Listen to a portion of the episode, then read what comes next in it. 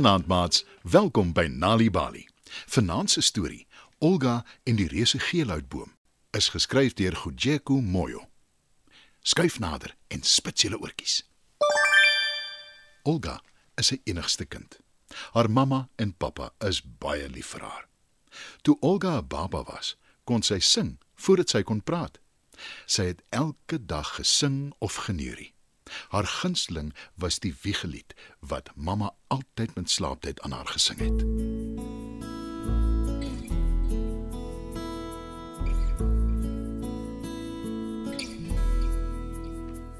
Slaap my kindjie, slaap saam onder rose van nag. Eers die armpies om my nek en dan warmpies toegedek. Môre vroeg as God wil word my kindjie gewek. Môre vroeg as God wil word my kindjie gewek. Maar op 'n dag word mamma baie siek. Pappa is bekommerd want sy word nie beter nie. Mamma is lank in die hospitaal, maar die dokters kan niks vir haar doen nie. Olga is nog 'n klein dogtertjie toe mamma dood is. Pappa is baie hartseer. Olga ook. Sy is so hartseer dat sy heeltemal ophou sing. Pappa verlang na sy vrou en na sy sorgelose, gelukkige dogtertjie wat altyd vrolik was en gesing het. Hy is moedeloos en weet nie wat om te doen nie.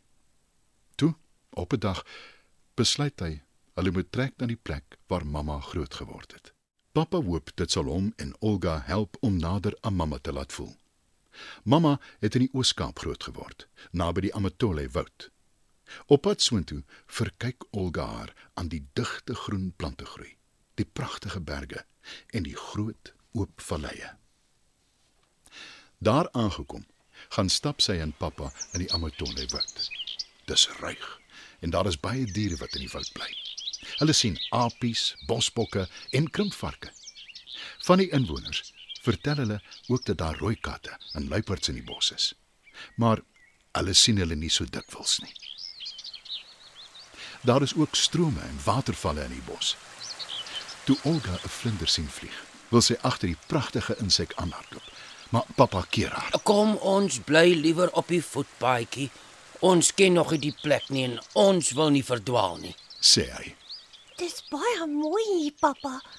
Gaan ons nou in die bos bly? Vra Olga. Ek gaan vir ons 'n huis bou baie naby aan die bos. Antwoord pappa. Hy is bly om Olga vir die eerste keer in 'n lang tyd te sien glimlag. En hy hoop dat die pragtige omgewing haar sal help om haar gelukkig te maak.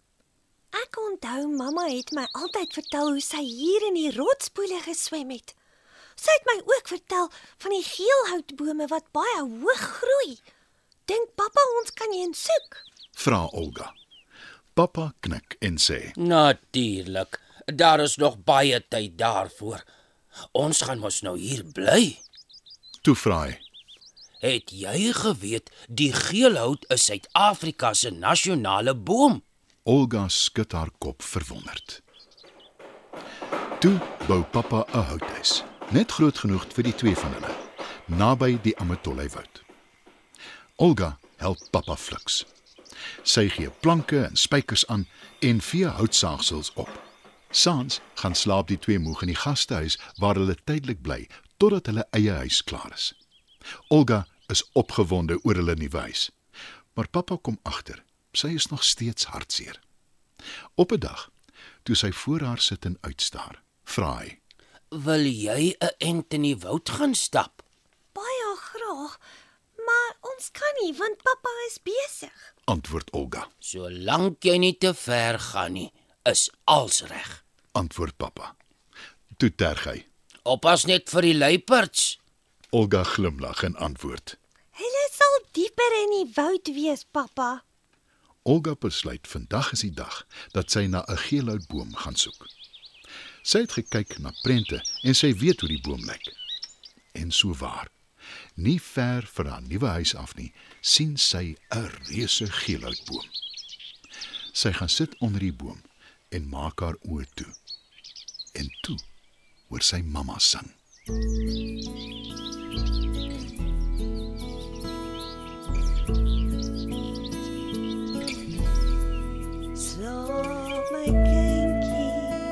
slaap saam onder rose van nag. Eers die armpies om my nek en dan warmpies toegedek. Môre vroeg as God wil, word my kindjie gewek. Môre vroeg as God wil, word my kindjie gewek. Olga word wakker en dit voel asof mamma haar styf vasdruk. Sy stap terug na hulle nuwe huis toe met 'n glimlag op haar gesig. Daarna gaan kuier sy elke dag vir die reuse geelhoutboom. Sy hoor nie elke keer mamma se wiegelied nie, maar dit pla haar nie. Pappa kom agter dat Olga besig is om te verander. Toe is hulle klaar gebou en hy en Olga trek in. Dankie vir ons nuwe huis, pappa. sê Olga. Pappa druk haar vas en sê: Ek glo ons sal gelukkig wees hier. Olga besoek die geelhoutboom nog gereeld. Maar sy hoor nooit weer haar mamma sing nie. Maar pappa was reg. Sy is gelukkig in hulle nuwe huis. En sy sien hy is ook. En toe, op 'n dag, hoor pappa die bekende wiegelietjie.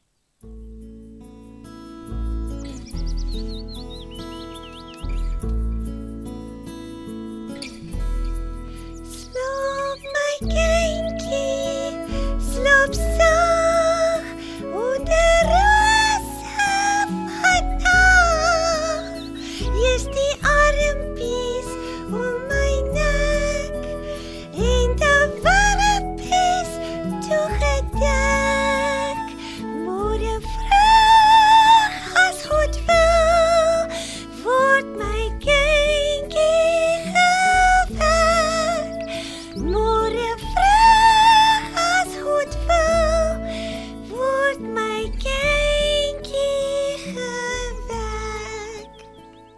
Dis Olga en sy sing weer.